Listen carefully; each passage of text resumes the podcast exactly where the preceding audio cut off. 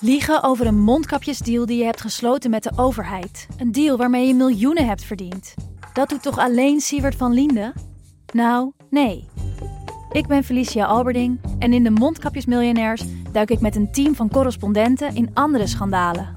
Want wist je dat Siewert helemaal niet uniek is? Luister de Mondkapjesmiljonairs in je Podimo-app. Of ga naar podimo.nl slash mondkapjes. En probeer Podimo 30 dagen. podimo.nl slash mondkapjes. Deze podcast is 100% expertisevrij en alleen geschikt voor amusementsdoeleinden. De inhoud mag dus niet worden beschouwd als financieel advies. Dit is Jong Beleggen, de podcast. Ik ben Milou. En ik ben Pim. Deze aflevering gaat over het verwateren van aandelen. Ja, stock-based compensation. Bedrijven die aandelen geven aan personeel bovenop hun salaris. Ja, waarom doen ze dat eigenlijk? En waarom moet je daarop letten bij het waarderen van deze bedrijven? Heel erg belangrijk. En we gaan het hebben over de post-earnings announcement drift. Ja, en jij bent even in de geschiedenis van de bear market gedoken. Ja, dat is belangrijk in deze tijd. Ja, wanneer luidt de bodembel? Ja, wanneer is het licht aan het einde van de tunnel? Oh, er zijn zoveel vragen. Laten we beginnen.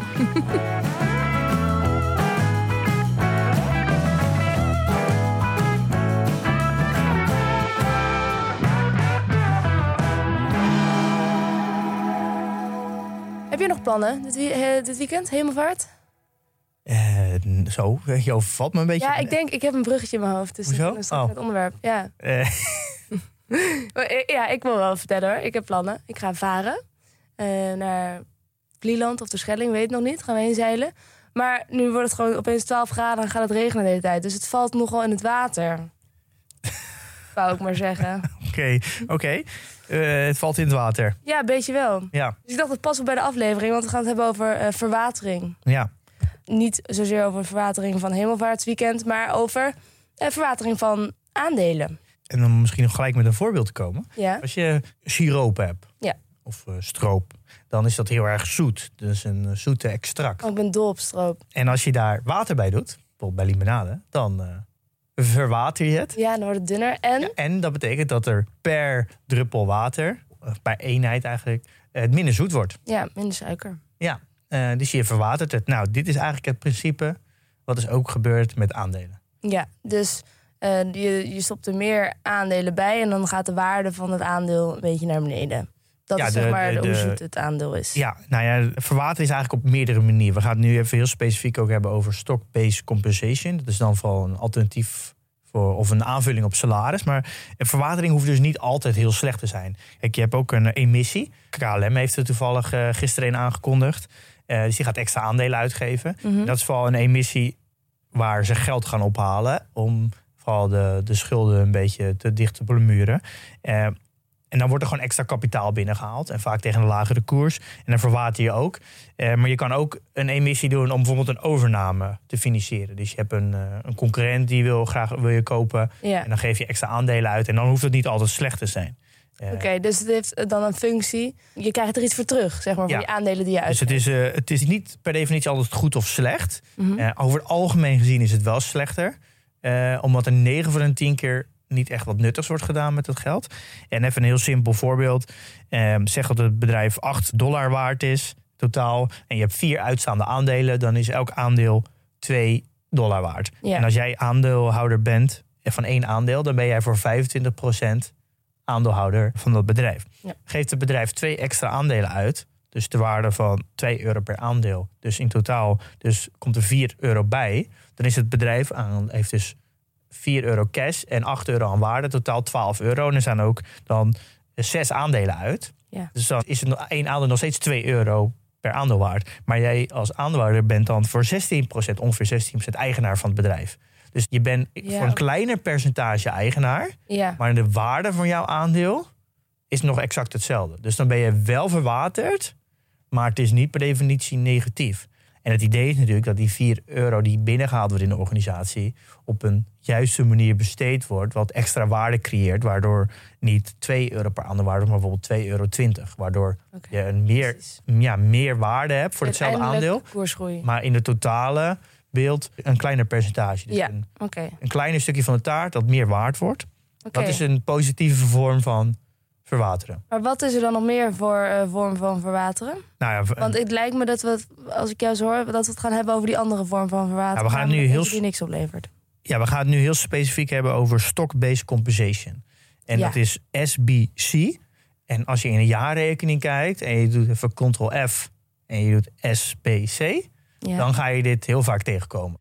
Ehm, dit is ook vaak een, vooral bij techbedrijven, is dit echt een eh, ja, best wel een belangrijk onderdeel. En het staat vaak vermeld onder operational cost, Oké. eh, dus operationele kosten. De- Onder die eh, categorie valt het. Want wat betekent het, SPC? Ehm, Stock-based compensation. Ja. Het houdt eigenlijk in dat, vooral in de technologie sector zie je dat, dat het personeel schaars is. En daardoor is het heel moeilijk om personeel aan je te binden. Dus dan geven ze bovenop een vrij riant salaris ook nog eens extra compensatie op aandelen. En die aandelen, die zijn natuurlijk over tijd eh, ja, een soort van verzilverbaar. En het idee is natuurlijk dat als het bedrijf groeit, eh, dat het personeel daar ook extra van profiteert. Dus dat is een, in, technologie, in de technologie sector heel normaal. Alleen als, als belegger moet je daar best wel voor uitkijken. Omdat je daardoor, eh, ja, bij vooral in de eerste jaren dat een bedrijf naar de beurs gaat. Sommige bedrijven zelfs nog langer. Zelfs eh, Salesforce al de al afgelopen tien jaar. Elk jaar dus 4% ongeveer meer aandelen uitgeven. Waardoor jij dus eigenlijk als aandeelhouder in het begin 4% verwatert. Want ik dacht dat als je dus aandelen krijgt van een bedrijf, je hoort dat wel eens. Ik vind het ook op zich heeft wel iets moois, hè, dat je je werknemers een beetje de baas maakt van je bedrijf, zodat ook zij kunnen mee profiteren Ja. van die groei en dat zij ook een soort van skin in de game zelf hebben, dus ook de intentie om het om ja om goed te zorgen voor dat bedrijf. Maar ik dacht dat management dat geeft gewoon aandelen aan die mensen die er al zijn, maar Ja. ze, ze, ze maken dus nieuwe aan. Ja, die aandelen, die, ja, het bedrijf kan, die, ja, die moet die aandelen maken. Dus die Ja. creëert die nieuwe aandelen. Dus als zeg dat er eerst eh 200 aandelen zijn en er wordt eh 20 extra aandelen bijgemaakt, dan eh, staan er in één keer eh 220 aandelen uit. En dat Ja. moet dan eh goedgekeurd worden door de, alle andere aandeelhouders. En je ziet eigenlijk vaak, dat hebben we bij Just Eat ook gezien op de vergadering, wordt er op, vaak op het laatste punt om te stemmen, wordt altijd gezegd wij mogen, wij mogen extra aandelen uitgeven. En dat Ja. is vaak gelokt tot 10%. Eh, dus een bedrijf mag elk jaar, dat wordt, eh, er wordt vaak altijd direct ja op gestemd en er wordt niet altijd gebruik van gemaakt. Maar management wil vaak die, die, die optie altijd hebben. Dat ze in een jaar tijd altijd, als ze dat nodig achten, zonder extra toestemming, Ja. 10% mogen uitgeven. Oké, en jij zegt dus je moet daarop letten als belegger, als een bedrijf dat doet, want het, dat kan wel effect hebben op de koers. Eerst nog even, jij zegt dat de techbedrijven dit vaak doen. Waarom is dit specifiek zo'n populair ding bij, bij techbedrijven dan? Ja, dat is natuurlijk een, eigenlijk best wel logisch te verklaren. Is dat er gewoon een extreme schaarste is voor goede ingenieurs en developers. En Ah, eh, Ja. eh, alles wat te maken heeft met product designers en zo. En ja, hoe meer schaarste er is, dus als meer bedrijven dezelfde mensen willen, hoe meer salaris je moet bieden. Maar ja, al die bedrijven die hebben ja, maar relatief beperkte financiële middelen. Dus wat ga je dan doen? Dan ga je iets weggeven wat geen cashflow kost. Ja, En dan ga je dus extra aandelen uitgeven. oké, dus het zijn lokkertjes om de goede mensen te krijgen en Ja. tegelijkertijd kost het het bedrijf niet heel veel. Nee, het kost vooral de aandeelhouder. Het kost de En aandeelhouders. het is ook ja. een non-cash event, noemen ze dat. Mhm. Dus het, het creëert geen. Het, ja, het, je hebt geen cash ervoor nodig. Het heeft geen invloed op je cashflow. Omdat het namelijk, je geeft gewoon iets extra's uit. En dat is dus ook het gevaar, waardoor het. Ja, er wordt misschien wel heel riant mee omgegaan. En daar moet je dus als belegger wel goed rekening mee houden in je waardering. Maar daar komen we er straks op. Ik heb een, een, een, een tabelletje van de afgelopen tien jaar. Eh, per sector, hoe die, die eh, procentueel gezien eh, de extra aandelen zijn uitgegeven aan het personeel. Oké, En dan zie je eigenlijk dat vooral in de zeg breedje van 2010 tot 2014 het voornamelijk healthcare is. En dat loopt eigenlijk ja, vanaf 2010 tot nu heel erg af. En dat is nu gemiddeld 4%, maar dat was echt wel rond de 20, 15%. En bij healthcare kan je dat enigszins ook nog wel begrijpen. Als er heel veel nieuwe medicijnen bedacht moeten worden. Dus die, eh, ja, daar is een soort van extreme hefboom op, op een talent. Als iemand eh, geniaal is en een, een nieuw medicijn kan bedenken, is Ja. de, de output is, is enorm. ja. Eh, en dat zie je natuurlijk ook een beetje bij developers. Eén developer kan natuurlijk miljoenen mensen bedienen met zijn code. Dus er is een extreme output. Ja. En een extreme hefboom op iemand. Je kan beter één extreem goede developer hebben dan, dan 20 B-spelers. Is dat iets wat je bedoelt, dat het heel goed schaalbaar is? en Ja, daarom- extreem schaalbaar. Ja. En dat zie je dus ook in, dat zie je dus ook in, eigenlijk in alle industrieën waar de schaalbaarheid zit. Daar zit ook procentueel gezien de grootste eh, Ja, uitgifte in. eh, technologie is eh, de grootste. En dan heb je eh, communication services. Dus dat is een beetje, denk ik, vooral de Googles en, eh, en de Facebook. Die vallen daar natuurlijk ook Wat onder. wij ook een beetje technologie Ja, vinden. En, toch? en industriesector. En daarna de financials. Maar wel echt bij far natuurlijk technologie. En, daar, gaan Ja. we- en dat, daar zien we het de laatste tijd ook heel erg. En dat komt ook omdat er een, de laatste vier, vijf jaar... is er natuurlijk een extreme schaarste op, op, eh, in die sector gekomen op, voor personeel. ja. Dus het is, misschien neemt dat nu eigenlijk wel af... omdat we nu in een hele, weer richting een andere tijd gaan eigenlijk. Je merkt dat heel veel eh, eh, personeel eigenlijk ontslagen wordt nu in de technologie sector. Hm? Maar ja, ik denk dat de komende jaren nog steeds wel een schaarste blijft. Ja. Ehm, wat maar, dus, maar eh, dan herinner ik mij even, want we hadden natuurlijk over Landschot een keer. En die was kritisch op Adyen toen, Adyen, Ja. een Nederlands bedrijf. Dat Adyen nog altijd hier niet aan doet. Zij doen niet aan het uitgeven van aandelen aan eh, hun personeel. ja, klopt. Dus hoe gebruikelijk is het eigenlijk in Nederland? Want ik ken eigenlijk, als ik daarover nadenk, ook geen enkel bedrijf die dit doet. Ja, is dat zegt niet heel veel, maar... Nou, dit is wel vooral Amerikaans. En waarom dit eigenlijk niet echt gebeurt in Europa of Nederland gebeurt wel maar beperkt, is dat het belastingstelsel hier heel anders in elkaar zit dan in Amerika. Hier we hebben dan eh, Prins Constantijn van, eh, ik weet even niet hoe die eh, Nederlandse tech liep, maar dan een Nederlandse foundation als het gaat om start-ups. Mhm. Die pleit hier al jaren voor en die is ook uit lobbyen in de politiek om hier om dit belastingstelsel aan te passen. Dat werkt hier in Nederland zo dat als je het personeel aandelen geeft, dan moeten ze daar gelijk over betalen, belasting over betalen. Alleen dat is voor start-ups heel lastig. Want als een, een start-up een waardering krijgt van bijvoorbeeld 10 miljoen in een ronde, in een, van- in een, een ronde in het begin, dan is het ook, ja, is papier 10 miljoen waard. Maar het is niks anders dan een groep mensen bij elkaar. Dus het zou heel raar zijn als personeel dan eh zeg even 1% krijgt en dan daar even eh, over die ton dan aan waarde die ze krijgen belasting over moet betalen. Want Ja. die cash hebben ze helemaal niet. Dus hoe ga je dan daar belasting over betalen als het een papieren waarde is? En dat, dat maakt het dus heel complex om eh, eh, ja, aandelen aan personeel te geven. Omdat Ja. de belasting dat ziet als een ja, verkapt inkomen. En daar moet belasting over betaald worden. ja. Maar je wil natuurlijk eigenlijk pas daar belasting op heffen... op het moment dat die waarde ook daadwerkelijk verzilverd wordt. Want, daar, want dan is er ook daadwerkelijk die cash om die belasting te betalen. Oké, nou dus dat gaat misschien ooit veranderen, Ja, maar maar in. Amerika hebben ze het heel anders gestructureerd. Waardoor het in Amerika eh, heel normaal is en ook heel belastingtechnisch heel voordelig is om aandelen te geven. ja. Ehm, ze zijn daar wel heel erg mee bezig in Europa, want dit zorgt ervoor dat daardoor heel veel start-ups dus niet succesvol, of eigenlijk Is het in de rest hele van kleine Europa ook series, zo? ja. Ja, in de rest van Europa ook wel eigenlijk zo. Daarom zijn, is de, eigenlijk in de techsector in Europa vrij klein, omdat er personeel wordt gewoon niet beloond. Eh, daardoor krijg je heel moeilijk goede mensen. En alle goede mensen die in Europa actief zijn, die gaan daardoor naar Amerikaanse bedrijven. Kijk, vanuit de aandeelhoudersperspectief is het natuurlijk best wel gunstig dat Adyen niet te veel aandelen uitgeeft aan het personeel. Aan de andere kant kan ik ook weer zeggen, dit kan ook weer gevaarlijk zijn. Want een Stripe die is dus nu wel actief in Nederland, de concurrent van Adyen. Ja, Die doet dat wel. die kan dus de beste mensen Ja, en aantrekken. dit, dit zou dus voor kunnen zorgen dat de beste mensen van Adyen daardoor meer kiezen, eerder kiezen voor Stripe als het salaris bijvoorbeeld hetzelfde is. Maar je krijgt daar ook nog eens een, eh, een, ja, een extra aandelen Ja. boven je salaris. Dus dat is natuurlijk veel gunstiger. Kijk, en daar komen we eigenlijk ook gelijk bij het, het dilemma van, vind ik, van eh stock-based compensation. Als je elk jaar 4% extra aandelen uitgeeft aan eh, ja, eigenlijk vergoeding aan je personeel, dan je kan als aandeelhouder heel moeilijk inschatten wat de waarde daar daadwerkelijk van is. Kijk, als ze extra aandelen uitgeven 4% en eh, daar creëren ze cash mee. Dus ze zetten die aandelen uit en die verkopen ze en daar halen ze cash mee binnen en die wordt herinvesteerd. Dan zou je die investering kunnen tracken. Mhm. Je kan dus zien, als ze een overname doen, hoe rendeert die overname? Dus je kan eigenlijk de soort van return on invested capital kan je Ja. controleren.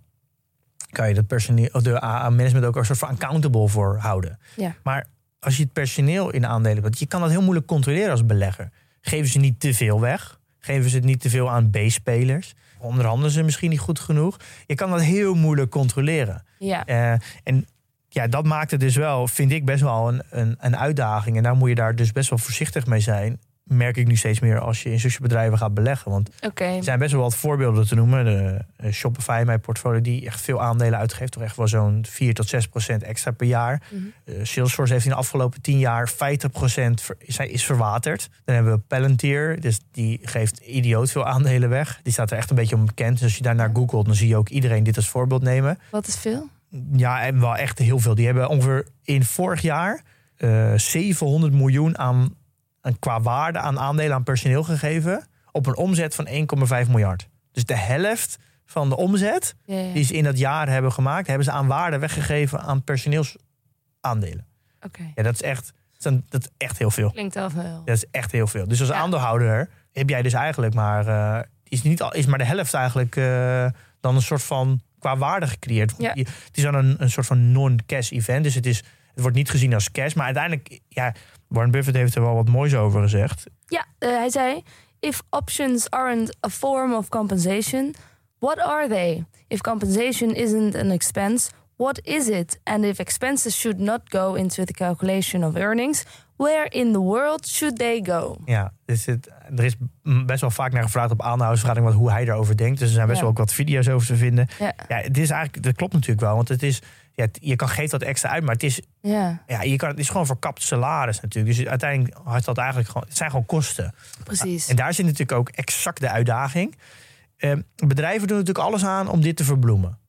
En daar, zit, eh, daar ging ook, gaan ook heel veel video's over en artikelen. Als je, als je daar op googelt bij Palantir, is dat niemand neemt in zijn, in zijn waardering, dus de DCF, de Discounted Cashflow methode, de diluted aandelen mee. Ja, want dat is het in het Engels, hè? Diluted. Ja, Dus Eh, en je hebt dus diluted EPS, dus, dus earnings per share. En je hebt de normale earnings per share. En daar zit al het verschil tussen. Dus ze, ze communiceren vaak de, door de, ja, dat heet dan de non-gap. En Misschien om het even uit te leggen, is dat je hebt dan eh, accounting eh, principes. Oh, jezus. Ehm, oké, een Ja, moment. dus de General Acceptance Accounting Principles. Dat is dus een internationale standaard hoe je dus boekhoudkundig eh, gezien dingen rapporteert. Ja, Maar heel veel bedrijven hebben ook een non-gap. Dus dat houdt eigenlijk in, het is niet een accounting principle. Dus die communiceren ze er vaak bij. En dat is een, een, eigenlijk een adjusted, dus een aangepaste ja. vorm van, van je earnings, je winsten presenteren. Dat ze er net iets beter uitzien. Een beetje Ja. een opgepoetste versie van Ja, je en earnings. als je daar goed naar kijkt, staat daar heel vaak in dat de, de SBC, dus de stock-based compensation, zijn uit de earnings gehaald. Dus die worden dus niet meegenomen. Ja, dus dan krijg je een, een, een moet ik het zo zien, een, een prijs per aandeel, of niet? Ja, winst per aandeel. Winst per aandeel, waar helemaal niet in mee is genomen dat er veel meer aandelen bij zijn Ja. gekomen. Dus dat eigenlijk verdeeld zou moeten worden over veel meer Ja, aandelen. exact. Dus dat betekent dus dat een non-gap earnings is dus altijd hoger Ja, dan de gap earnings. Maar ze communiceren altijd de, de non-gap earnings. ja. Altijd. En En want, wat moet dat je nou zeggen als belegger? nou, kijk, de regel eigenlijk een beetje is als je een non-gap earnings presenteert, dat is dus een adjusted earnings, met het idee dat je daar eenmalige ja, dingen eruit haalt, zodat je een zuivere winst krijgt. Als je natuurlijk eenmalig iets, iets hebt, dan wil je dat eruit filteren, Ja. eh, omdat dat namelijk iets eenmaligs is. Ja. Maar de stock-based compensation is bij technologiebedrijven helemaal niet eenmalig. Niet eenmalig. Als je naar Salesforce kijkt, die hebben al tien jaar lang eh, geven ongeveer 4 tot 6 procent extra aandelen uit. Mhm. Dat zie je bij alle techbedrijven. Dus het is helemaal geen. eh, ja, je kan het niet zien als een eenmalige actie. Maar wat betekent het dan voor jou als aandeelhouder? Nou ja, wat het eigenlijk heel simpel betekent, als je de aandeel gaat waarderen en je, je voorspelt de groei, de omzetgroei en de, de marges exact goed eh, in, in tien jaar tijd. Maar in tien jaar tijd wordt er ongeveer 50% meer aandelen uitgegeven. En je neemt dat niet mee in je waardering, dan zit je qua groeivoorspellingen exact goed, maar qua pure waardering er 100% naast.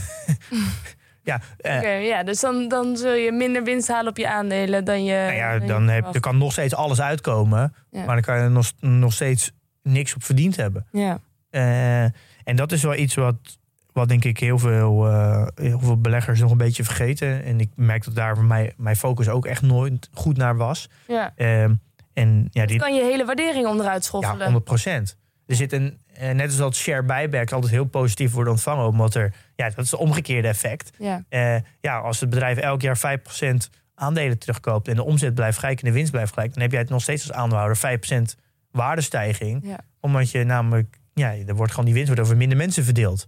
Dus dan Ja. hou jij meer aan over. Dus heb jij waardestijging. Ja. Maar dat werkt natuurlijk met die stokbased compensation compleet de andere kant op.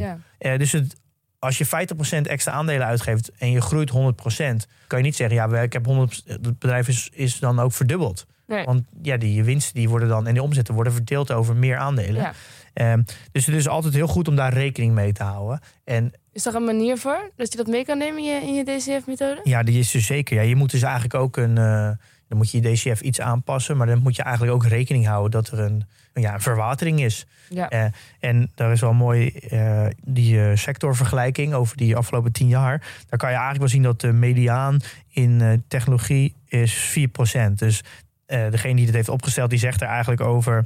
Ja, je moet eigenlijk in je waardering, dus in je, in je waardering voor je intrinsieke waarde, dus de fair value, moet je eigenlijk altijd 4% verwatering nemen, meenemen bij technologiebedrijven. En als het uh, dat bedrijf gemiddeld 4% hoger zit, dan moet je echt serieus gaan onderzoeken of dat echt daadwerkelijk nodig is.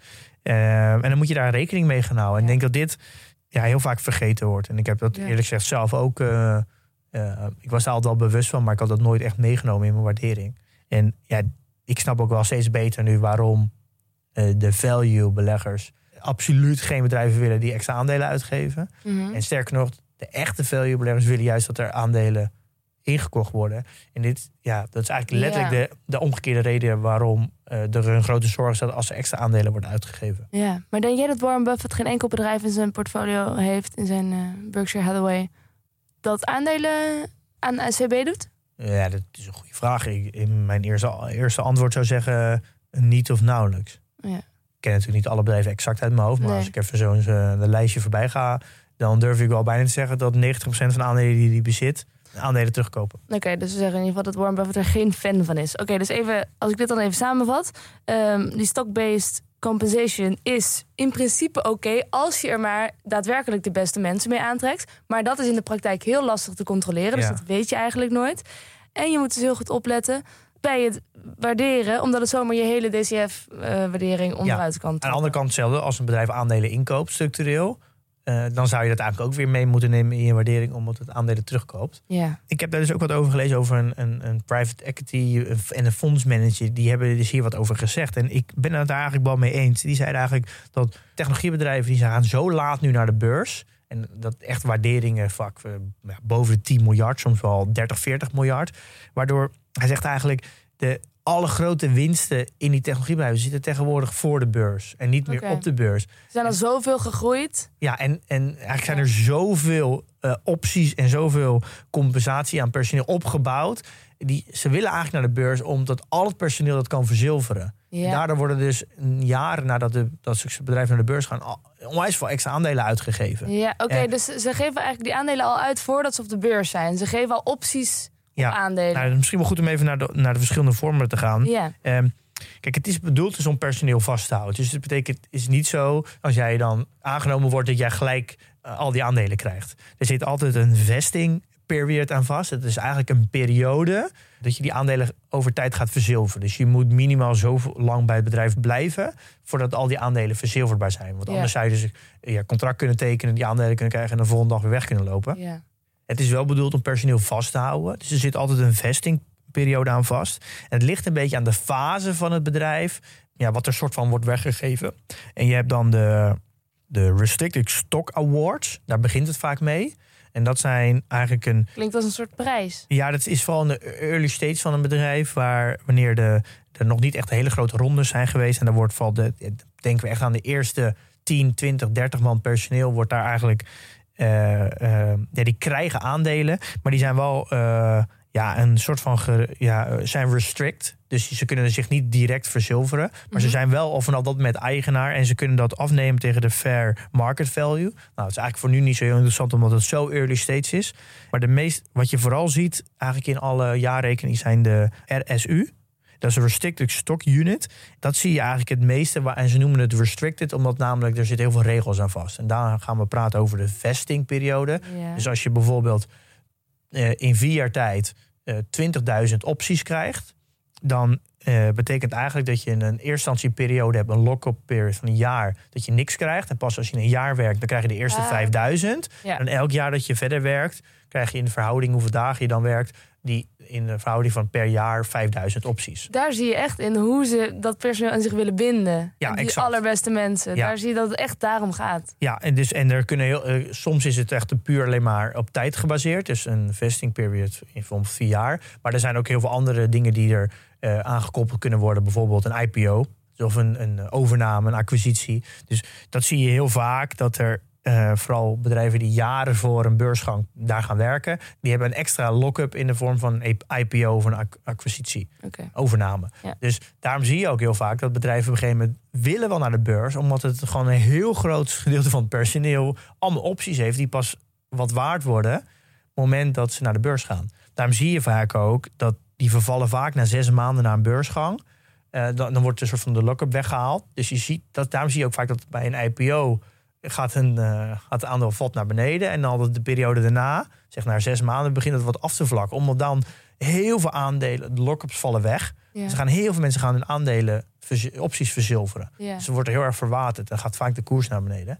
Ja. Eh, en dat geeft ook vaak dat bezit, de grote zittende aandeelhouders die periode vervalt dan. Dus die kunnen ook aandelen verkopen. Dus heel even, wat is dat verzilveren dan van een optie? Is dat dan dat je juist een aandeel ervoor echt in handen krijgt? Of dat je die verkoopt en het geld ervoor krijgt? Nou, dat ligt een beetje aan, aan, eh, aan, eh, aan wat er exact wordt weggegeven. Maar het komt er eigenlijk een beetje op neer dat je een, ja, meestal een, een soort van optie hebt om een aandeel voor een bepaalde prijs te kopen. Dus dat wordt al van Ja. tevoren afgesproken. Dus als Ja. je, je bent een werknemer, jij krijgt eh, 5000 opties. En die zijn bijvoorbeeld voor, die kan je kopen voor 30 euro. Maar het bedrijf is vijf jaar later en noteert voor 180 euro. Ja. En dan kan je die opties verzilveren voor 30 euro. Ja, en dan krijg je veel meer in handen omdat het veel meer waard En je is. kan dus een aandeel kopen voor 30 euro. Dat eigenlijk een, een marktwaarde heeft van 180. Ja, dus dat is natuurlijk een eh, top. 150 euro winst. Ja, Eh, per aandeel. ja, per aandeel, ja. Ja, Eh, maar het is ook natuurlijk, je hebt aan de ene kant neem je daar ook een wel risico mee als werknemer. Kan ook zijn dat het bedrijf natuurlijk helemaal niks waard is. Dat gebeurt ook heel vaak. Er zijn natuurlijk heel veel technologiebedrijven die nooit een IPO doen, die nooit succesvol zijn. Ja, Dus je ziet ook wel vaak dat hoe jonger het bedrijf is, hoe relatief meer Ja. opties je krijgt. En ook hoe voor een lagere prijs je ze ook zou kunnen kopen. Maar dat risico is daar natuurlijk ook groter. ja. Ehm, Toch denk ik dat het wel invloed heeft ook op hoe erg een werknemer toegewijd is om echt het allerbeste voor zijn bedrijf te doen. Als hij ook dus later afhankelijk is van ja, tegen welke prijs hij zijn opties kan verzilveren. ja, Zou dat wel eens uitgezocht zijn? Dat ze gaan kijken van oké, deze bedrijven die dat, die dat dus doen, die functioneren beter dan bedrijven die dat niet doen in Amerika? ja, dat weet ik niet exact. Er zijn natuurlijk wel heel veel onderzoeken gedaan naar dat als een personeel skin in de game heeft, dus ook mee profiteert van de winsten. eh, ja. dat, daar, dat, dat, ja, dat die bedrijven beter performen. Nou, familiebedrijven zijn wel goede, goede voorbeelden vaak. Maar ook heel veel winstdeling is. Ja, dat Er spelen natuurlijk veel factoren mee ook. Het lijkt me moeilijk om het uit te zoeken, maar het zou wel interessant zijn. Nou ja, het is natuurlijk wel een, een, ja, denk ik wel, die conclusie zou je wel kunnen trekken dat hoe meer je mee profiteert en hoe meer je eigenaar bent van het bedrijf, ja, hoe meer committed je naar, naar het bedrijf bent, ook in slechte tijden. Ja. Eh, dus daar zit wel een soort van logische gedachte achter natuurlijk. Ja. En je hebt ook nog, ja, het ligt een beetje hoe groot het bedrijf is, maar je hebt ook een employee stock option plan of gewoon stock options. En die zijn, die zijn, die zie je vooral bij wat grotere bedrijven die al wat, ja, die al, ja, al heel lang bestaan. Daar krijg je vaak ook nog een, eh, ja, gewoon opties bij die, bij je salaris. Die kan je extra afnemen bovenop je salaris. Dat je Ja. bijvoorbeeld met korting dat kan kopen. Maar vaak de echt bedrijven die heel groot zijn, die compenseren dat gelijk weer. Dus als die jaarlijks een x aantal aandelen aan opties uitgeven, dan kopen ze ook voor datzelfde percentage aandelen in. Waardoor het onderaan de streep er geen aandelen bij komen. Eh, maar dat zijn vaak bedrijven die in een, in een andere fase zitten. Mhm. Dus eigenlijk het, ja, het, het complete verhaal is eigenlijk dat dit zo'n groot onderdeel is in, van de tech, in de technologie sector. Dat het, de, compensa- de ja, stock-based compensation zo groot is. Dat je dit eigenlijk niet kan negeren in, Als je in, in, je, bent. in je waardering. Ja. Nee. Dat is eigenlijk een beetje simpel gezegd het, het verhaal. Ja. Eh, en het grappige is dat ook alle, als je die, die staatje kijkt met welke sectoren het minst gebeurt, dat zijn eigenlijk alle sectoren waar vooral de value beleggers in zitten. Ja. Eh, waar, waar gewoon het minste groei zit, daar, Ja. daar worden personeel over het algemeen ook het minst gecompenseerd. ja, omdat ze al eh, natuurlijk gevestigd zijn en ze hebben al genoeg geld om een leuk salaris te kunnen betalen. Ja, dat ook. En waar misschien ook minder leunt op, eh, op de grootste talenten. Ja. Ja, omdat het al heel erg goed staat. En het is Ja. alleen maar in gang. En dat de machine output- die eh, gaande moet Ja. blijven gehouden worden in plaats van dat je op gang moet Ja, krijgen. zo meer eh, de, het, de, het succes van het bedrijf leunt op, op een aantal individuen of op gewoon mensen. Ja. hoe meer de mensen gecompenseerd worden in aandelen. Dus dat is wel een, eh, iets waar je heel erg op moet letten. Ja. Dus weer eigenlijk een stukje waarderen waar je. Ja. ja is Die we al die tijd over het hoofd hebben gezien. is toch belangrijk, hè? Waarderen. Eigenlijk door naar deel 2 van deze aflevering. Eh, Een beetje een ander onderwerp. Nou, behoorlijk ander onderwerp, toch? Ja, Ja. een, een ding aan zich. Een ding aan zich. Eh, namelijk de Post-Earnings Announcement Drift. Pim, vertel, wat is dit? Ja, ik kwam dat tegen, die term. Die kende ik eerst helemaal niet. En ik dacht, ja, dat is misschien wel leuk om even... eh, om dat gewoon te delen. Eh, dat is dus echt, echt onderzocht. De, de Post-Earnings Announcement Drift is dus wetenschappelijk onderzocht door heel veel verschillende mensen. Dus het is ook bewezen. En dat houdt eigenlijk in dat eh, ongeveer 60 dagen gemiddeld gezien na een earnings announcement, dus, een, dus daarna de post-earnings, Wat is een earnings announcement? ja, dat gewoon een, een kwartaalcijfers gepresenteerd Oh ja. worden of iets. Ja. Dat het een 60 dagen effect erna heeft, zowel positief als negatief. Oké, dus zo'n earnings announcement, er komt een hoop nieuwe info eh, eigenlijk de wereld in. En beleggers gaan dan kijken, wat moeten we daarmee? En ze zijn er ongeveer 60 dagen mee bezig, dat je dat kan terugzien in de, In de koers. Ja, dus het heeft zowel een positief als negatief effect. Kan. Ja, en dat is gemiddeld 60 dagen, soms zelfs wel langer. Mhm. En dit is weer een mooi voorbeeld dat, het, dat de markt totaal niet efficiënt is. En dat het dus heel, best wel lang duurt voordat iedereen die informatie goed verwerkt heeft. Ja. En ja, ik heb dit denk ik de laatste tijd ook wel zelf ervaren. Ik denk dat er een paar mooie voorbeelden zijn. eh, is Facebook kwam eh, met, tijdens een earnings call met eh, een slechte resultaten. Toen met de iOS 14 update en met dat het aantal gebruikers wat minder werd. En dat zakte in één keer heel hard naar beneden op één dag. Maar daarna heeft het nog da nou, nou ik weet niet exact hoeveel dagen, maar volgens mij iets van bijna zes weken. Ja. Nog daarna is het gewoon naar beneden gegaan. Dus als er geen nieuwe informatie komt in die 60 dagen, dan is die gewoon die, die drift Ja? gewoon door naar beneden. En ik heb Ja. even gekeken dat er na die, eh, dat is dus van 3 februari tot 14 maart geweest, is het aandeel nog met 21% naar beneden gezakt. Naar die eh, earnings announcement. zich ook wel logisch, toch? Want een belegger moet gewoon een beetje, dat moet een beetje indalen bij eh, de ene belegger, dan bij de andere en dan bij de andere. Dus ja, maar dat zou dus eigenlijk wel betekenen dat, dat, dat dit is echt, is echt onderzocht, ben bewezen. Dat als je, dus een, als je een aandeel bezit en het zakt bijvoorbeeld in één keer 20%, dat je je eigenlijk wel op een papiertje erbij kan, eh, kan zetten dat het aandeel de komende 60 dagen dus ook nog verder doorzakt. Ja, oké. Eh, dus wat je dus hiermee kan doen, is dat geduld loont. En dus als je gaat koopjes jagen, koop dan niet gelijk de volgende dag bij. Nee. Maar hou dit principe in gedachten. 60 dagen. Dat het dan best wel een paar weken daarna kan doorsudderen naar beneden. Ja. Maar dat, dat werkt natuurlijk de andere kant op ook. Alphen kwam, een Nederlandse, het Nederlandse bedrijf Alphen, een midcapper, die vooral in eh, elektrische laadpalen zit. Die kwam met geweldige cijfers eh, begin mei. Volgens mij eh, iets van een, eh, 8, 10 mei of zo. En ja, dat ging echt in één keer met, nou, volgens mij 12% omhoog, zo 15% omhoog. Maar dagen daarna bleef het maar omhoog gaan. Ja. En nu gaat de markt, is natuurlijk eigenlijk sinds 10, 10 eh, zeg even de eerste week van mei tot en met nu, eigenlijk over het algemeen naar beneden gaan. Maar Ja. Alphen is naar boven gaan. Die gaat dus gewoon tegen de markt in.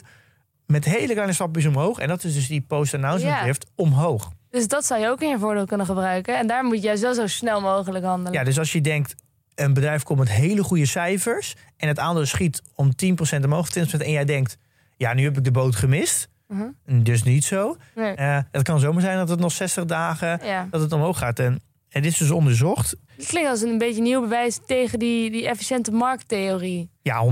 Hoewel het uiteindelijk wel, maar het duurt gewoon wat langer. Maar Ja. uiteindelijk komt het wel bij de, de koers die het waard zou moeten Ja, en eh, je hebt natuurlijk meestal, waarom het denk ik ook een beetje rond de gemiddeld 60 dagen is. Er zitten natuurlijk tussen die, al die earnings calls vaak 90 dagen per kwartaal. Ja. Eh, dus er zit natuurlijk eigenlijk in die, na die positieve of negatieve berichten natuurlijk een hele lange periode waar dus geen nieuwe informatie komt. Dus waar mensen dus over, en heel veel artikelen worden erover geschreven. En vaak, ik denk ook wel het effect is als het naar beneden gaat, gaan er nog meer mensen negatief over schrijven. Dus, en heel veel mensen nemen ook niet instant een beslissing, denken er langer over na. Maar wel, in, ja, wel weer, ik vond het opvallend dat dit echt onderzocht was en bewezen. Ik heb ook de linkjes eh, op de website gezet naar wie dit onderzocht heeft. Ja. En dan kan je er even naar kijken en een aantal voorbeelden. En misschien herken je nu, als je dit principe kent, kan je misschien wel teruggaan naar een aantal aandelen die je zelf hebt. Wanneer het heel positief was of heel negatief, hoe lang dat nog door etterde eigenlijk. En dat je eigenlijk dus wel even moet nadenken dat als, als het negatief is, Mhm. dat je het niet gelijk gaat bijkopen. Want dat zie je wel, Ja. dat heb ik ook wel in het verleden wel eens gedaan. En dan denk je, ja, 20% is echt overdreven. En dan denk ik, ik ga het nu gelijk bijkopen. Maar dat achteraf gezien of dan zie je dat het eigenlijk verder, nog verder daalde. Ja. En misschien al een mooi voorbeeld dat eh, Bill Ackman, Wie? eh, die eh, dat is een groot fondsmanager, Mhm. die heeft, had Netflix. En Netflix kwam met hele slechte cijfers. Eh, dat de groei stagneerde. En die is van de dag daarna gelijk al, zijn hele positie gesloten. Achteraf gezien natuurlijk een hele goede keus. eh, want het aandeel daalde in, eh, in die 60 dagen daarna nog eens met 21 procent. Ja. En hij heeft daar gewoon heel resoluut een, een, een keus gemaakt. Ja. En ja, dat is achteraf gezien heeft hij dat heel goed gedaan. Als je de aandeel toch wil verkopen, kan je beter maar instant reageren. Ja. Dan nog zeggen, nou, ik, ik denk er nog eens even een tijdje over na. En dan Ja, de maar we worden elke dag minder waard. Ja, precies. Dus ja, oké. Daar, daar, ik denk dat daar ook wel echt, eh, dat je daar aan wel kan zien dat hij ook dit principe heel goed kent. En daardoor heel snel gehandeld heeft. Nou, dat is wel een eh, leuk regeltje om even in je achterhoofd te houden.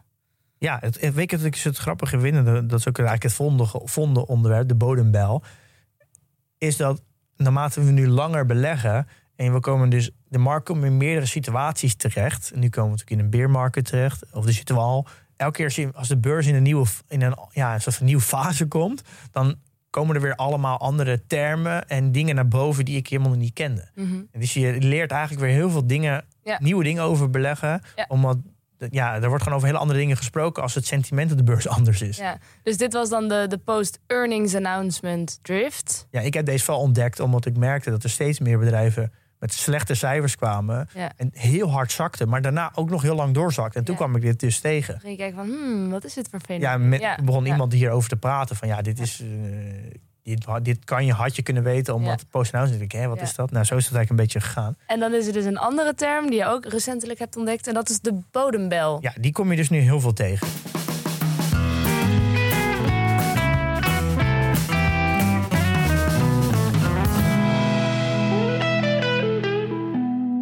Wat is de bodembel? In heel veel artikelen kom je dus de bodembel tegen. Dat is weer zo'n term die, in, die heel veel gebruikt wordt in de, in de beleggingswereld. Ehm, ja, dat is eigenlijk een moment dat beurzen heel lang naar beneden gaan. Eh, Bear dan, dan, hoor je, dan gaan ze het vaak hebben over de bodembel. Oh ja. Eh, ja, dat is natuurlijk de bodembel. Die bestaan natuurlijk niet. Dat is natuurlijk een beetje de grap, denk ik. Nou, je kan, hem, je kan hem nooit voorspellen in ieder geval. Er is uiteindelijk achteraf altijd een soort bodem van de koersen, van het dalen Ja. geweest. Maar dat weet je natuurlijk nooit van tevoren. Nee, dus het idee is altijd dat, dat ze dan schrijven van ja, wanneer gaat de bodembel? En het vervelende is dat je dit nooit de bodembel weet. Dat je dat pas achteraf kan verklaren. Ja. Dus dan krijg je dus nu heel veel artikelen. Die gaan dan eh, in het verleden terugkijken, in de afgelopen 50 jaar. Wat dan in terugwerkende kracht de bodembel eh, was geweest. En Ja. kan je dat dan projecteren op nu? Oh ja, en dan, precies. Dus ging kijken, hoe lang duurt het voordat die bel eindelijk een keer luidt? Nou, bijvoorbeeld, maar ook kijken van wat zijn momenten dat er bijvoorbeeld een eh, pensioenfondsen en zo heel veel cash opbouwen. Dat particuliere beleggers eh, Ja. allemaal uitstappen. Dan zijn ze allemaal aan het zoeken naar welke patronen hebben we in het verleden gezien. Ja. En dan kunnen we dan nu de bodembel voorspellen. Ah. Ehm, ja, ik geloof daar niet zo heel erg in. Maar je- dit is wel dus een, een ding dat je nu heel veel ziet, de bodembel. Mhm. En ik wil nog even de, even de context geven van de, waar we nu in zitten. We zitten in een, in een, ja, een bear market en, en wel een flinke. Ja. Ik denk, net is voor iedereen denk ik die luistert de eerste. Het is sowieso in de afgelopen, nou wat is het, 14 jaar echt, ja, niet echt een bear market geweest. Eh, dus het is voor heel veel mensen nieuw. Als, ik heb even naar de Nasdaq 100 rendementen gekeken. Vanaf 2009 tot en met nu, tot en met 1 2021. Dus dat is 12 jaar, 13 jaar Ja, is de Nasdaq elk jaar in de plus gesloten. Dat is echt bizar. Ja. El- dus dit is, de eer- dit is het eerste jaar waarschijnlijk. Eh, We hebben het jaar is nog lang niet voorbij, maar de kans is heel groot dat dit het eerste jaar is sinds 2009 Ja. dat de Nasdaq in, in een min gaat sluiten. Ja. Dat is echt bizar hoe lang deze bull market eigenlijk heeft geduurd. En je kan dus eigenlijk wel zeggen dat iedereen die begonnen is met beleggen in rond 2010 en eh, ja, voornamelijk goede resultaten heeft gehaald. Dus bijvoorbeeld de MSCI World heeft vergeleken zichzelf ook benchmark tegen de MSCI World of de AEX. Ja, hoogwaarschijnlijk veel exposure heeft gehad naar tech. En daardoor natuurlijk eigenlijk met gemak de MSCI World heeft verslagen. Maar die zal dus eigenlijk hoogst- waarschijnlijk dit jaar dus ook hele slechte rendementen neerzetten. Vergelijkbaar met de Nasdaq. Ja. Ehm, ja, dus dus ik denk dat heel veel beleggers die zich, die zich nu presenteren, Ja. die de afgelopen tien jaar heel goed hebben gedaan, zullen voornamelijk denk ik in technologie belegd hebben en zichzelf niet benchmark, benchmarken tegenover de Nasdaq, Hm. eh, maar benchmarken tegenover de MSCI World. En dit is wel een, een, een- ja, een, echt een kink in de kabel. dat is een combo-breker voor de Nasdaq. En ja, ik denk dat we gewoon ook heel veel jaren echt verwend zijn... omdat de Nasdaq zulke goede resultaten heeft Ja. gehaald... dat dit gewoon een keer ook moest gebeuren. Maar oké, elke voordeel heeft zijn nadeel. Dus eh, die Nasdaq, die nu 30% in de winst staat, is die dan nu goedkoop? Ja, dat is dus natuurlijk een hele interessante vraag. Misschien wel de juiste vraag die je nu stelt. Nu is het, de- is het Nasdaq 30% afgegaan. Is het dan ook echt goedkoop? Ja, als je zegt van nou, 14 jaar lang echt gestegen, gestegen, gestegen, kan ik me ook voorstellen dat 30% dan nog wel meevalt. Ja, kan dat- nou ja, de-. Ja, nou, de- voor iemand die natuurlijk net is ingestapt de afgelopen twee jaar, is 30% flink. Ja. tien jaar geleden is 30% natuurlijk nog steeds niet zoveel. Nog steeds een goede compounding annual growth rate. Maar de Nasdaq, ja, ik heb even gekeken, ik, het is nog steeds niet heel goedkoop. En dat is misschien eigenlijk ook wel heel erg zorgelijk aan deze bear market. Mhm. Dat eh, als we naar de afgelopen drie jaar kijken, eh, nu betaal je dus de koers-winstverhouding voor de Nasdaq 100 om bijna 21 Mhm. iets minder. Zeg, rond het, eh, zeg tussen de 20 en 21. Dus dat is wel het laagste punt in de afgelopen drie jaar. Als we dan even de coronadip van een paar maanden vergeten. Dus de- relatief aan de afgelopen drie jaar is het goedkoper. Maar als we in, over een langere periode kijken... dan eh, is de gemiddelde koers-winstverhouding van de Nasdaq 20. Dus dan zit hij nog boven dan, dus Ja. 21. dus de, de, de Nasdaq is nu 30% gedaald. Maar we, ja, het is nog steeds ah, boven gemiddeld. historisch gezien nog steeds niet goedkoop. Nee. Dat is eigenlijk best, kan je best wel zeggen, dat is best zorgelijk. Dat als je nu al 30% in de min staat, maar het is nog steeds niet goedkoop geworden. Ja, dan kan je nog wel kunnen zeggen, er kan nog, dan nog prima 20, 30% vanaf. Ja. Dus ja, dat is, dat is wel, eh, wel een beetje de, de context van deze bear market. En Ja. als we dan gaan kijken naar de, ja, dan hebben we weer een ander mooi term die ook vaak langskomt nu, de opportunity cost. Kijk, je kan, je kan dan wel een bedrijf aan zich waarderen, maar uiteindelijk, kijk, neem bijvoorbeeld een, eh, een Coca-Cola die nu voor 25 keer de winst handelt. Eh, maar als, eh, als de omzet en de winsten blijven gelijk, dan blijft het nog steeds 25 keer in de koers blijft gelijk. Dan heb je dus met Coca-Cola nog eens een outperformance op de, op de bredere index. Maar als alles eromheen relatief goedkoper wordt, dan ontstaat er natuurlijk een, een soort van opportunity cost. Dus je bedoelt eh, bijvoorbeeld alles omheen. Nou, dus bijvoorbeeld, Pepsi? nou, bijvoorbeeld of Pepsi wordt goedkoper, of wordt, eh, Google is nu goedkoper, Facebook is goedkoper. Ja. Als die zoveel goedkoper Oh, worden, echt ook andere sectoren bedrijven, ja? die- dan op een gegeven moment is het natuurlijk, dan is het de opportunity cost dat je dus meer rendement verwacht in de komende vijf jaar op het aandeel Google dan op Ja. Coca-Cola. Waardoor dus, is. ja, dus dan, is een, ontstaat, dan gaan mensen uiteindelijk denk ik toch een Coca-Cola verkopen. Ja. Omdat er namelijk de opportunity cost ergens anders veel, Ja. eh, veel groter is. Dus waar het eerst was al over Tina, there is no alternative, is, kan Eh, daar gewoon een ander alternatief uiteindelijk is alles gaan. relatief natuurlijk. Kijk, eh, nog steeds kan het heel goed gaan met dat bedrijf. Maar als het ergens anders allemaal veel goedkoper is... en je, hebt daar, je verwacht daar hogere rendementen... gaan uiteindelijk nog steeds mensen uit Coca-Cola. Ja, En als ik even nu een eh, rijtje maak... Ja, eh, we zijn flink gezakt, maar Costco... dat is een beetje de Amerikaanse Aldi, denk ik. Heel Ja. populair. 30 keer de forward PE. Dus dat is de, de komende 12 maanden winst. oké, Eh, ja. Eh, Visa 28 keer, Coca-Cola 25, Walt Disney 25, Pepsi 24, Nike 24, Procter Gamble 23. Nou, dat, dat is echt heel veel. En historisch gezien eh, wordt de, S&P gehandeld over een hele lange periode, dus van 100 jaar, 15 keer de winst. Dat betekent dat deze bedrijven staan daar echt nog tussen de, even, ja, zeg rond de 50% en, en 70% boven. Ja, eh, met andere woorden, dit kan nog wel even doorgaan. Nou, je, je- ja, je kan echt prima de conclusie trekken dat het echt nog niet heel goedkoop is, de markt. En Nee. dat er nu vooral heel erg naar veilige havens wordt gegaan. Maar als we iets verder kijken, Microsoft 23, Apple 23, Ma- McDonald's 23, nog steeds allemaal relatief. Ik heb neem natuurlijk geen groei hiermee. Kijk, Apple en Microsoft groeien iets harder dan Coca-Cola, want Coca-Cola groeit niet. En dan hebben we Alphabet 19 keer en Meta 16 keer. Oh, Eh, dus dat, daar komen we al in de richting PE-verhoudingen die, die, Ja. die eigenlijk historisch gezien eh, ja, wat normaler zijn. Ja, ik, en als we dan even over die beermarket hebben nu. ja. Ja, het- ja, het is echt niet heel gek dat dit echt nog heel lang gaat duren. En wat voor conclusie trek je hieruit? Ja, dat kan je achteraf pas echt zeggen. Maar mijn gevoel zegt dat de mar- we zijn flink gedaald, maar de markt is nog steeds niet goedkoop. Nee, dus Eh, het gaat waarschijnlijk nog de- wel even door. Dus of de, je merkt dat het een beetje per sector gaat. Je hebt dan de, de, de retail gehad eh, twee weken geleden. Ging echt een heel retail naar beneden. We hebben deze week ad, de ad business, de advertisement business. aan de hand van Snap ging alles naar beneden wat in die trant mee te maken. Deze week ging dus ook alle beetje vakantiedingen, dus airlines, de cruiseschepen.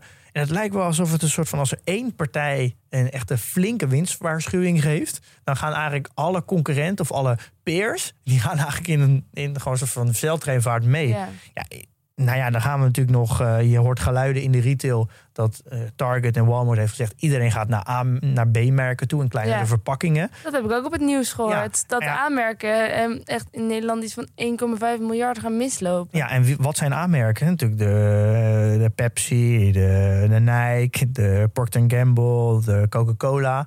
Ja, ik hou mijn hart een beetje vast voor Q2-cijfers en Q3. Mm. Want als, het, als de targets en zo, de retailers dit gaan merken... en ook de, de advertisement business gaat het ook merken. Kijk, als je minder gaat adverteren... dan zou je ook eigenlijk moeten zeggen... dan moet er ook minder omzet eh, uitkomen, minder groei. Want eh, ja, als dat niet is en je groei en je marge blijven op peil... dan kan je net zo goed niet adverteren. Dus dan, dan is het hele businessmodel van adverteren werkt niet. Of het is overtrokken, dat, hele, dat het omzet in advertisement helemaal niet gaat zakken. Of het, het is wel echt wel terecht. En Maar dan gaat het effect nog echt wel door.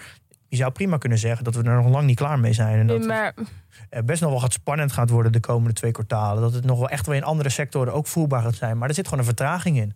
Maar wanneer luidt de bodembel? Ja, dat weet ik dus niet. Dat weet niemand. Maar als we dan even kijken naar, het ge- naar de geschiedenis, kijken naar hoe lang duurt een beermarket. Op handelsdagen gezien. Dus ik heb ook een mooie screenshot van de Wall Street Journal op de website gezet. Dat is heel mooi visueel. Mhm. Maar de gemiddelde beermarket duurt 289 dagen. Oké. Handelsdagen. En hoe lang zitten we er nu al in? Ja, handelsdagen. Dus weekend telt niet mee. Nee, eh, eh, we zitten nu ongeveer 99 dagen, is een beetje tussen, tussen ja, rond de 100 aan handelsdagen. Dus je kan wel zeggen dat we op een derde nu zijn van een gemiddelde beermarket. Oké. Eh, Nou, maar- laten we hopen dat het dan enigszins gemiddeld zal zijn. Of misschien korter. Maar op zich vind ik niet eens heel erg lang. Als je bedenkt dat er iets van 10 jaar groei tegenover kan staan. Of 14 jaar. Ga je- de cyclus is vaak, wordt gezegd, 10 jaar. Ja. Dus dan is het vaak, dus daarom zeggen ze, je moet minimaal 10 jaar beleggen. Want dan heb je een cyclus meegedaan, dan heb je een beermarket market meegedaan, dan heb je een hele lange boeren meegemaakt. Dus dan heb je een beetje alle facetten van het beleggen het keer te pakken. Ja. Nou ja, wij, hebben, wij boffen misschien aan de ene kant dat wij nu een beermarket meemaken. Want de voordeel is, vanaf de bodem in een beermarket is, is de boerrun het langst daarna en de rendementen het hoogst. Dus dat is natuurlijk voordeel. We zitten, de meeste luisteraars zitten, en ik ook, in het begin van mijn beleggingscarrière. Dus het is eigenlijk helemaal niet gek om het nu mee te maken. Nee. Al moet wel eerlijk zeggen, het is wel pijnlijk om, eh, om het mee te maken. Ja, vertel eens. Hoe is het voor jou? Nou ja het, is, ja, het is niet leuk. Het is, eh, je ziet, nou ja, welke dag je ook kijkt, eh, er zit misschien een sporadische groene dag tussen. Maar ja, elke dag zie je, zie je het geld gewoon weglopen. Ja. Alsof je een soort van putje hebt waar het gewoon naartoe stroomt. Ja, en ik niet, denk dat mensen die net begonnen zijn met beleggen ook wel rode cijfers hebben gezien. Heb jij dat ook? ja, ik ben ook sinds deze week voor het eerst in negatief gegaan. Nou, niet, niet, Niet voor het eerst, winst, want ik was natuurlijk, ja. net begon eh, in eh, januari 2020, kreeg ik twee maanden daarna een crash van 30% eh, dus ik ging toen ook al in de min. Dus het is nu de tweede keer dat ik in de min ga. Ehm, ja, dat, nee, ja, dat is niet leuk. Nee, dat kan me voorstellen. Ik heb dan nog makkelijk praten, want ik sta nog wel nog 500 in de plus op winst, zeg maar. Ja, je merkt nu echt het verschil de mensen die... en ik heb overwegend technologie, op, op procentueel gezien het meest, 130, 35 procent. Ja, daar zitten gewoon de klappen nu. Ja. En eh, de rest wat blijft wat beter liggen. Dus als je een goed gespreide ETF hebt, waar je dus ook tabak hebt en olie en pharmacy en eh, eh, telecom, ja, dan blijf je nu aardig, blijf je wat Ja. beter liggen. Dus je ziet ook dat hoe meer Ja. gespreid een ETF is, dus All World blijft beter liggen dan de S&P. En de S&P weer beter dan de Nasdaq. Dus hoe meer gespreid, hoe beter. Nee, geeft wel weer de kracht van spreiding aan. ja. Eh, Maar als ik nu hoor dat het dus maar 289 dagen, handelsdagen gemiddeld duurt, dan denk ik, nou, dat is een tijd die ik best doorkom. Gewoon niet te veel op die app kijken. En dan weet je gewoon wachten. Het duurt maar dan, nou ja. Ja, je moet, niet- ja, als je echt een lange horizon hebt, eh, dan zeg 20, 30 jaar, dan, dan kan je daar wel heel veel rust uit halen. Dat je denkt van ja, dit is toch maar tijdelijk. Ik heb het geld toch niet nodig. Ja. Eh, ik bezit uiteindelijk nog steeds net zoveel aandelen als voor de bear market. Dus ja, de, het aantal aandelen wordt niet minder. Het wordt alleen maar minder waard nu. Maar dat is ook maar een momentopname. Ja. Ik heb gewoon sterke bedrijven. Dus ik hou ze gewoon vast. Ik ga gewoon niks doen en ik zit het gewoon uit. Ja. Dat geeft wel rust, denk ik. Ja, als je nu in korte termijn het geld nodig hebt, dan had je überhaupt niet moeten doen. Maar dan, snap, dan zit je nu echt te zweten. Ja, ik, ik doe ook, ik ga ook niks doen. Ik, eh, ik blijf lekker zitten. Ik denk dat ik op zich, eh, ik ben best tevreden met de bedrijven die ik nu heb.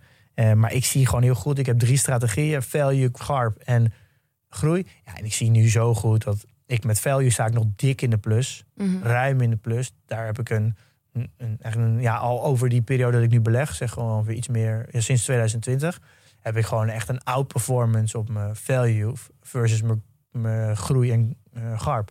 Dat zie ik dus nu heel goed. Ja, Eh, en dit is ook wel een beetje het verhaal van natuurlijk alle value-beleggers. Eh, ja, iedereen die vooral in technologie heeft belegd sinds 2010, die, ja, die heeft het beter gedaan dan value. Omdat het gewoon, ja, de Nasdaq heeft gewoon een bullrun neergezet van 10 jaar. Daarom zeggen de value-beleggers, je moet een hele cyclus kunnen beleggen. Ja. Want dan gaan we pas zien of je echt, eh, of Ja. je echt een outperformance er hebt. zijn de rollen omgekeerd. Ja, want Ja. ja. de mensen die nu echt volledig in value zitten en dit jaar misschien nog een plus draaien, ja, die hebben natuurlijk op, op de Nasdaq echt een extreme outperformance, gewoon gewoon 30 Ja. En dat tikt wel aan. Ja, eh, en vergeet ook die regel niet, hè? Don't lose money. ja, Ja. Dus, eh, ja, dus dat is, dat is Ja. het, het verhaal waarom eh, de factor value over een langere periode altijd beter werkt, omdat, je, omdat je dan het minste geld verliest. ja. Maar dan wil ik wel, jij bent nu dus, alles is openbaar aan jou, nou alles, je portfolio.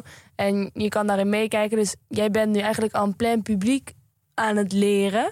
Ehm, dus mensen zien nu ook dat het slecht gaat bij jou.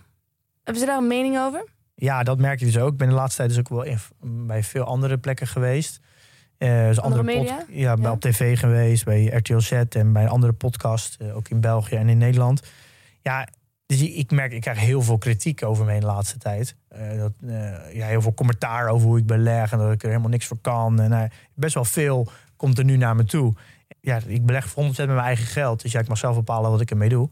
Eh, maar het is niet heel fijn. En dit, Nee. dit zijn wel momenten dat je denkt, ja, hallo, eh, ik, eh, ik, ik, ik zet het open dat ik, dat ik iedereen kan zien hoe ik leer. En je kan de, ja, je ook leren van mijn fouten. Mhm. Noem mij een belegger die geen fouten maakt. Alleen die zie je nooit, Ja. eh, omdat niemand daarover praat. Maar, maar zet die kritiekje, wat doet dat dan met jou? Gezet dat je aan het twijfelen over je strategie of over wat je doet? Of Nou, nee, dat niet is het zozeer. vervelend? Nee, eh, nee, nou ja, het is vervelend. Ja, ik heb daar gewoon niet om gevraagd. En eh, eh, ja, Je wilt niet aan iedereen verantwoording af hoeven te leggen. nee, ik denk, ja, ik, als het zo doorgaat, denk ik, ja, dan, waarom kan ik, dan haal ik het wel, wel naar mijn privé toe. Waarom zou Ja. ik het dan voor zo publiek doen?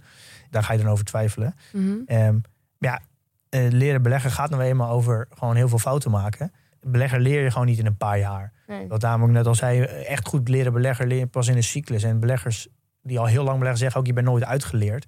Ja. Ik heb ook vanaf moment één heel duidelijk aangegeven dat ik aan het leren ben, dat ik een open portfolio heb, dat iedereen weet wanneer ik ben begonnen met beleggen. Ik heb drie strategieën, ook om te leren welke strategie past nou bij mij, welke vind ik fijn, waar ga ik, wil ik op lange termijn mee doorgaan. Ja. Ik geef mezelf drie tot vijf jaar. Ehm, ja, ja dit is, eh, en dit is hoe het is. Ja. Eh, en ik merk, ja, ik, ja, natuurlijk, je merkt gewoon nu in deze tijd, merk je gewoon heel goed dat je dat aandelen heel duur waren, zeg even halverwege 2021. Ja, heel veel mensen zeiden dat al, die heel lang, heel lang beleggen, die konden dat natuurlijk ook historisch gezien dat het heel relatief heel, dat het heel duur was. Als je nog niet zo lang belegt, kan je dat historisch gezien nog niet zo goed beoordelen of iets historisch gezien duur is. En nu merk je ook steeds meer dat gewoon waarderen gewoon echt essentieel wordt. Het is, eh, het is gewoon heel belangrijk. En dit heeft mij natuurlijk wel weer aan het denken gezet. Is dat ik, we hebben PDT ben ik begonnen omdat ik een probleem ervaarde. Omdat ik heel veel moeite had om inzicht in mijn portfolio te hebben over hoe mijn spreiding zit, en hoe eh, de verdeling zit en mijn strategieën bijhouden en mijn performance bijhouden. Dat is echt ontstaan vanuit een probleem die ik zelf ervaarde. En ik ervaar dus nu eigenlijk een heel groot ander probleem. En dat is, hoe kan je nou als particuliere belegger goed waarderen? En hoe kan je nou informatie over bedrijven eh, wat beter tot je nemen, zodat je de diluted shares beter door hebt, dat je eh, waarderingen van aandelen meer in historisch perspectief kan zien. Eigenlijk gewoon de dingen die heel belangrijk zijn om te waarderen en ook het waarderen zelf, de cijfers goed kunnen bekijken. Dat merk ik nu dat dat een probleem is die ik ervaar. En dat ga ik over nadenken, hoe ik dit ook kan oplossen. Ja. Dus dat is wel aan de ene kant wel leuk. eh, als ik even praat vanuit een ondernemend perspectief en een maker Biedt kansen. ja, dat ik, ja, dat is wel een beetje waar ik heel erg van hou. Ik maak software gewoon puur voor mezelf. Omdat ik een probleem ervaar en dan ga ik gewoon oplossen. En de gedachte is, als ik het probleem ervaar, ervaart iedereen het. Of heel veel andere mensen ook. En dit probleem is voor, ja, is voor mij echt een uitdaging. Een probleem slash uitdaging. En ik ga er wel even over nadenken hoe ik dit eh, meer in PDT kan bouwen. Moet even over Ja. nadenken. Ja. Eh, maar deze uitdagingen, leren waarderen, beter inzicht in de cijfers en zo. Ja, daar zie, ik- zie ik wel kansen voor voor PDT. Heb je nog portfolio nieuws? Geen transacties gedaan. Dus ik Mhm. heb eigenlijk niks te melden. Nee, ik, ik ook niet. Nou, kunnen we door? Dat scheelt weer. We zullen het nog even hebben over wat we volgende week gaan doen. Ja, we gaan het volgende week hebben over een even uitstapje naar een andere vorm van beleggen. We gaan het hebben over beleggen in fysiek vastgoed. Ik zit ook over te denken een huis te kopen. Ja, maar ik denk om in te wonen. Ja, maar dat is wel fysiek vastgoed. Ja, dat is En wel. ook een beetje dus investeren. Ja, maar dat is geen belegging, hè? Dat is geen belegging. Nee. Is, niet- is iets Is, anders. nou, je mag officieel... Ja, nee, officieel is natuurlijk geen officieel.